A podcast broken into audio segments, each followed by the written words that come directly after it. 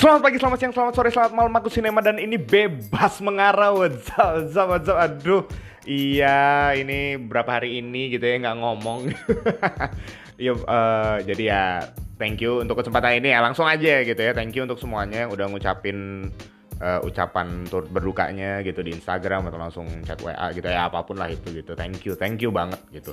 Uh, bukan waktu yang mudah tapi juga bukan waktu yang uh, gimana ya yang akhirnya membuat aku stres juga gitu.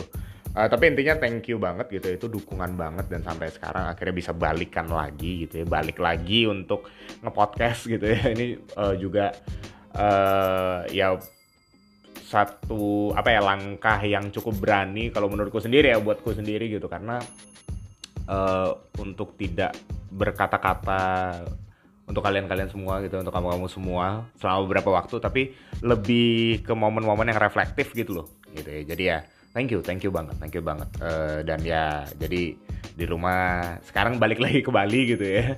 Konsultan di Malang ditinggal dulu gitu. Uh, ya di Bali sama berapa waktu untuk nemenin mama dulu gitu ya uh, jadi cuma berdua aja sekarang di rumah ya ya gitu deh gitu. Intinya thank you thank you banget dan uh, mohon terus dukungan dan doanya dari kamu-kamu semua. Hari ini gitu ya langsung aja ke topiknya. Sesuai dengan judul ya yang namanya emosi itu menjadi jujur dengan emosi gitu. Atau kalau mungkin lebih enaknya tuh menjadi jujur dan utuh dengan emosi. Nah ini nih, ini kenapa, kenapa, kenapa? Gini, gini. Seorang sinema gitu ya, seorang sinema memperhatikan zaman, waduh, memperhatikan zaman gitu ya dan um, ya tahun ini gitu maksudnya. Di awal tahun ini tuh gila. Kerasa kerasa nggak sih? Kamu kerasa nggak kalau misalnya banyak banget hal buruk terjadi? Ini bukan untuk untuk ini ya dalam arti oh sinema pesimis gitu. Bukan pesimis enggak tapi menyatakan kalau hal itu hal yang buruk gitu loh. Ya uh, kecelakaan pesawat waktu itu kan. Terus um, apa bencana alam tuh gila banyak banget banyak banget parah gitu dan ya kalau aku pribadi ya uh, dengan uh, apa anggota keluarga yang sudah tidak ada sekarang gitu. Nah itu kerasa banget gitu, itu kerasa banget buruk banget. Dan aku yakin kamu pun juga punya momen momen-momen yang buruk gitu ya, momen-momen yang kamu akhirnya nggak bisa bohong dengan mengatakan ya semua akan indah semua akan indah pada waktunya. Iya benar gitu. Semua akan baik semua akan indah pada waktunya. Tapi gini kalau yang namanya buruk kan tetap kamu akan bilang itu buruk dan kamu nggak bisa berhenti menangis mungkin mungkin hari-hari ini kamu sedang berduka juga gitu. Aku nggak tahu gimana. Tapi yang jelas yang namanya emosi gitu ya. Uh, mungkin uh, mungkin secara spesifik ini emosi yang ini ya, emosi yang berduka gitu ya atau kemarahan atau mungkin uh, kebingungan atau kebingungan tuh emosi apa enggak sih gitu ya. Pokoknya uh, satu hal yang akhirnya membuat kita tuh uh, berdiam dan jadi kayak gloomy gitu. Gloomy itu apa ya? Kayak ya sendu eh sendu bener gak sih? Ya kayak gitu deh pokoknya ya. Agak-agak gelap gitu. Hari-hari itu jadi agak gelap gitu ya uh, mungkin ini waktu-waktu yang nggak enak buat kita. Nah tapi uh, ya hari ini aku mau bilang bahwa ternyata ada beberapa orang juga yang masih uh, at least dua at least dua. Ini aku lihat. Pertama mencoba kuat. Atau sorry ya aku harus bilang sok kuat gitu. Maksudnya gini Uh, ini ini bukan berarti uh, aku menjatuhkan kamu yang lagi mencoba untuk kuat ya. Enggak tapi kadang-kadang ya ada orang yang akhirnya menipu diri gitu loh. Nah kayak gitu tuh. Jadi sok kuatnya itu cenderungnya tuh menipu diri gitu menipu diri dengan berkata iya semuanya akan baik kok gitu bahkan aku ya aku ini aku di Kristen ya aku tuh paling nggak terlalu sebenarnya nggak terlalu demen kalau misalnya orang bilang uh, ya ada rencana Tuhan yang indah di balik semua ini. Oh iya itu benar, itu benar gitu. Tapi gimana dengan diri kamu gitu? Diri kamu yang sekarang sedang berduka itu tuh penting, men. Itu penting banget gitu loh. Penting banget, gila gitu. Kalau misalnya kamu eh, ini ini uh, ngomong sedikit tentang kekristenan aja gitu. Kekristenan di Alkitab tuh banyak banget bukti orang-orang umat Tuhan gitu yang mereka tuh berduka men. Bukan bilang semuanya akan indah pada waktunya. Enggak mereka ngakuin itu hal yang buruk itu hal yang menyedihkan dan mereka akhirnya bilang itu kami tidak suka. Ya intinya itu ngomong kayak gitu gitu. Ya garis besarnya gitu. Nah jadi ada orang yang berusaha untuk kuat, akhirnya cenderung tuh menipu diri gitu. Tapi satu lagi, nah ini yang satu lagi, ekstrem satu lagi, ada yang juga uh, jadinya berlebihan. Nah ini kan nggak baik juga sebenarnya ya. Uh, terlalu terlalu larut sampai akhirnya lupa bahwa ada hal-hal penting yang harus dijalani di kehidupannya sekarang gitu. Aku nggak bilang akhirnya semua kita harus secepatnya berubah, enggak. Yang namanya duka, yang namanya uh, apa kekecewaan, kemarahan itu tuh perlu waktu sama kayak emosi-emosi lain sebenarnya kayak seneng lah sama kayak namanya kita lagi uh, apa semang bersemangat banget uh, dengan sesuatu gitu ya. Itu punya prosesnya. Tapi jangan sampai kelebihan gitu loh. Ya yeah. ada waktu untuk semuanya. Nah itu tuh prinsipnya tuh. Tuh prinsip singkat tuh catat. Ada waktu untuk semuanya gitu.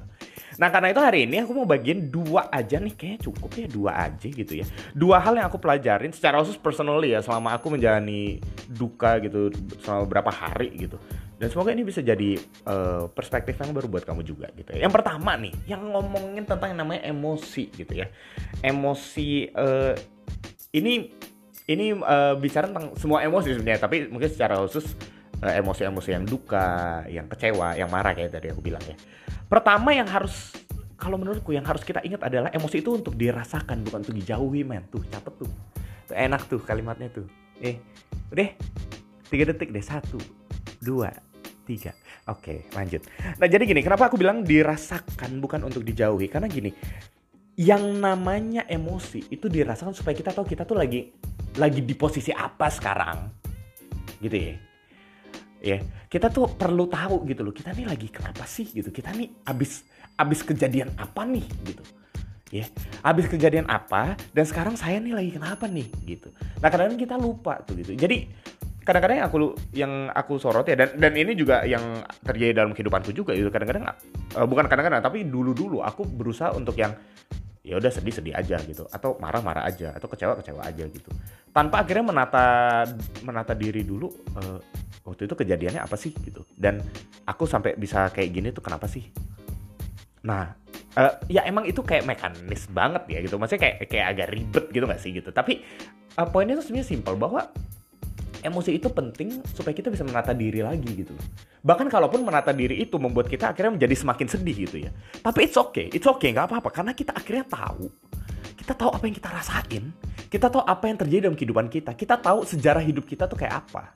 Dan kita tahu kalau misalnya ini bicara tentang kehilangan orang yang kita sayang gitu ya. Siapa dia benar-benar, kita akhirnya kembali mengingat dia lagi gitu loh.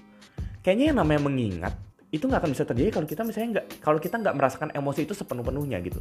Bukan kelamaan ya jadinya tapi bener-bener kalau yang namanya sedih ya sedih gitu loh. Seneng seneng gitu. Nggak setengah-setengah gitu loh. Nah makanya perlu waktu tuh.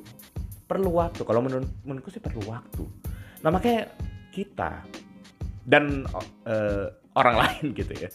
Yang namanya emosi yang kita rasain please jangan sok tahu gitu waduh ini nggak enak ya tapi gini uh, ini juga kena ke diri kita sebenarnya gitu. Kita berusaha untuk kayak oh ya ya it's okay lah nggak apa-apa. Kadang-kadang kita kita berusaha itu kan kayak oh ya it's okay nggak apa-apa. Kadang-kadang it's okay itu sebenarnya upaya kita untuk ngeredain kesedihan yang sebenarnya tuh dalam banget gitu. Ketahanan diri ya oke okay, gitu tapi nggak selalu harus begitu. Ada momen-momen di mana kita harus bener-bener ngerasain itu. Embrace it. Nah itu itu kata-kata yang aku senang banget tuh. Istilah bahasa Inggris tuh embrace gitu ya. Kita apa sih embrace tuh apa sih? Ya intinya kita menghadapi itulah gitu ya. Menghadapi itu dan kita nggak takut dengan itu. Kita bener-bener ada di dalam emosi itu. Ngalamin itu aja gitu. Sehingga akhirnya kita tahu kitanya lagi posisi apa kita nih lagi gimana sekarang gitu. Dan untuk orang-orang lain juga gitu ya. Mungkin kalau ada misalnya yang mereka lagi berduka gitu ya. Dan kita bilang, "Oh, pasti susah banget ya. Kamu jangan stres." Nah, itu kan sebenarnya sebenarnya gini gini gini gini ya gini ya eh, thank you gitu ya buat orang-orang yang mungkin gitu dan terus aku juga aku dulu juga kadang-kadang yang bersama uh, pelajarin nih orang yang rasain apa sih aku akhirnya bilang gitu dan ternyata itu salah gitu karena aku akhirnya sadar bahwa aku tuh nggak tahu apa yang dia alami gitu aku nggak ada di pengalamannya dia So yang terpenting apa? Ya dia tuh ngerasain dulu gitu. Izinkan dia ngerasain gitu. Gak usah kita yang naruh label-label kita dulu ke dia, gak usah gitu. Dengerin aja dulu gitu ya. Dan itu yang akhirnya ngebawa kita ke poin yang kedua. Tuh enak kan, ada jembatannya tuh gitu ya. Ya mau uh, stretching dulu gitu ya. Gak apa-apa gitu aja. Uh, siap-siap nulis lagi gitu mungkin udah panjang gitu catatannya gitu. Oke yang kedua gini berkaitan dengan yang namanya sok tahu tadi itu ya dan akhirnya kita yang paling tahu emosi kita. Maka yang namanya emosi itu berguna supaya kita bisa membagikan cerita bukan menjual cerita. Tuh catet. Wah enak. Tuh membagikan bukan menjual-jual cerita tuh ya. Oke udah? Oke lanjut Ini kamu kalau misalnya sambil mau makan, sambil mau minum, nyantai aja dulu ya gitu. Chill aja atau mungkin yang kamu lagi di perjalanan menuju tempat kerja atau mungkin eh nggak tahu ini kayak masih wifi ya berapa ya. Ya pokoknya mau lagi ke mana lagi sambil dengerin di mobil gitu. Kalau di motor kayak agak bahaya gitu ya. Tetap hati-hati aja gitu ya. Oke, yang kedua yang tadi aku bilang membagikan. Fungsinya tuh membagikan bukan untuk menjual-jual cerita. Karena gini, yang namanya emosi, ya, yang namanya emosi itu berguna uh, bukan berguna. Itu membuat kita bisa punya kisah kan gitu kan. Yang namanya emosi itu kan kaitannya sama kisah apa yang udah terjadi dalam kehidupan kita. Misalnya kita seneng banget sama seseorang. Pasti kayak inget momen-momen tertentu. Nah itu kan jadi kisah tuh.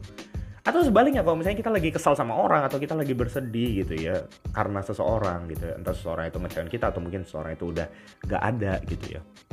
Pasti kayak inget momen-momen. Nah momen-momen itu yang akhirnya menjadi cerita yang sebenarnya bagus banget kalau kita bisa membagikan itu. Kenapa? Dengan cara itu kita bisa meneruskan emosi kita, memanage emosi kita dengan cara yang proper. Menurutku sih gitu kalau dari pengalamanku ya.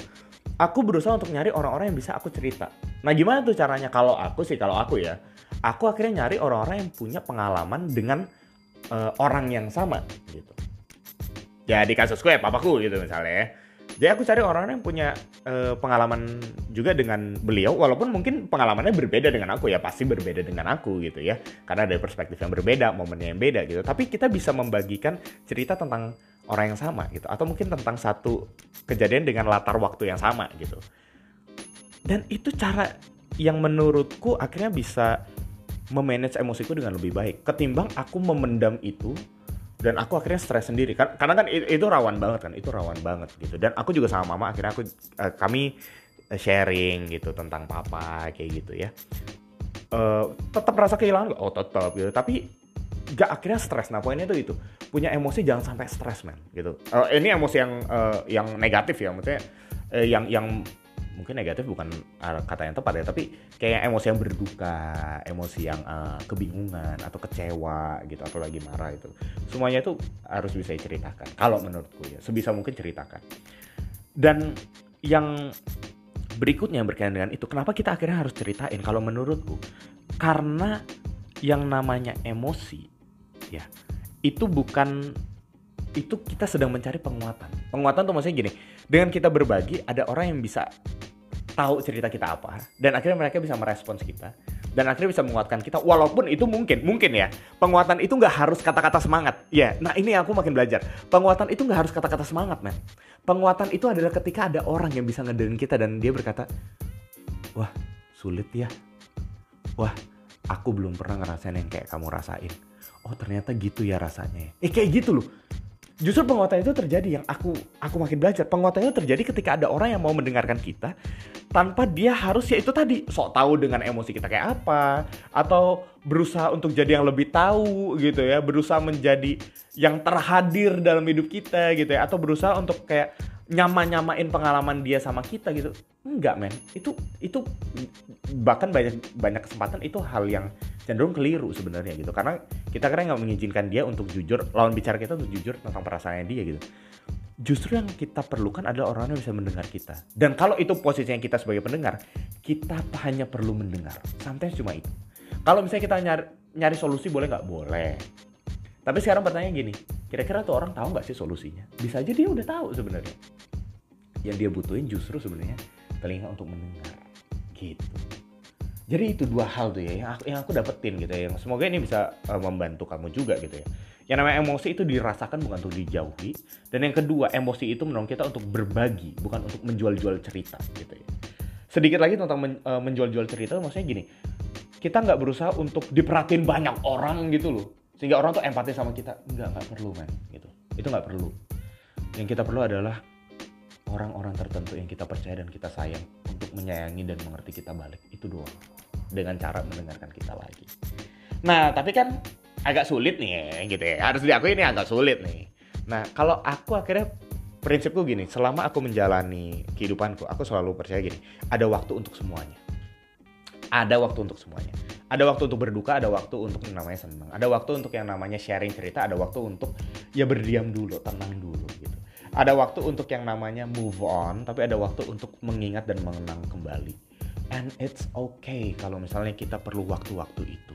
gak ada yang menuntut kita untuk berusaha jadi lebih cepat dalam dalam uh, apa memproses duka kita, memproses emosi kita atau cepet-cepet udah jangan terlalu seneng, jangan terlalu seneng. Eh iya bener jangan terlalu seneng, iya. Tapi jangan terlalu seneng karena apa? Nah itu yang jadi pertanyaannya gitu. Kalau misalnya kita emang perlu seneng ya kenapa kita nggak boleh seneng gitu kan?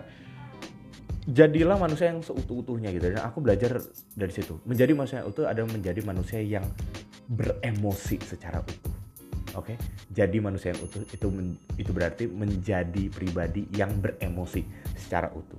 Dan aku harap semoga ini bisa menolong kita semua untuk memproses emosi-emosi kita, khususnya emosi duka, emosi uh, marah atau kecewa atau kebingungan kita gitu. Khususnya di masa-masa ini ya. Ini masa-masa yang tetap nggak mudah buat kita. Tapi semoga ketidakmudahan situasi saat ini bisa kita minimalisir gitu dengan cara apa? Memproses emosi kita dengan cara yang lebih baik. Kalau kamu ada saran, kalau kamu ada perspektif lain, bisa langsung aja di DM di R Cinema N gitu ya di uh, IG ku. Atau langsung ya kalau ada kontak WA ya boleh-boleh aja sih gitu ya nggak apa-apa. Karena ini kita saling berbagi intinya sih gitu gitu ya. Thank you semuanya udah mau dengerin terima kasih banyak. Kamu yang lagi perjalanan semoga bisa sampai tempat tujuan dengan selamat. Kamu yang lagi makan pagi siang sore malam gitu semoga makanannya bisa menyehatkan gitu ya lagi masak uh, eh, happy happy juga masaknya gitu ya. Kamu yang udah mau spend waktu sama teman kamu atau pacar kamu atau uh, pasangan kamu yang lain gitu. gimana ya gitu. Ya uh, spend waktu lah dengan mereka gitu ya. Spend waktu dengan baik dan semoga itu bisa menjadi quality time yang baik untuk kamu di hari-hari ini. Kamu yang lagi sakit semoga cepat sembuh. Nggak tahu mungkin pendengarku uh, hari ini juga mungkin ada yang uh, kena covid gitu ya. Semoga pemulihan bisa berjalan dengan baik gitu ya. Dan tetap semangat jangan menyerah miliki daya juang untuk uh, menjalani hidup, miliki daya juang untuk tetap hidup. Oke? Okay? Dan karena itu akhirnya bebas sambil mengarah, bebas untuk mengarah, bebas mengarah. Bye bye.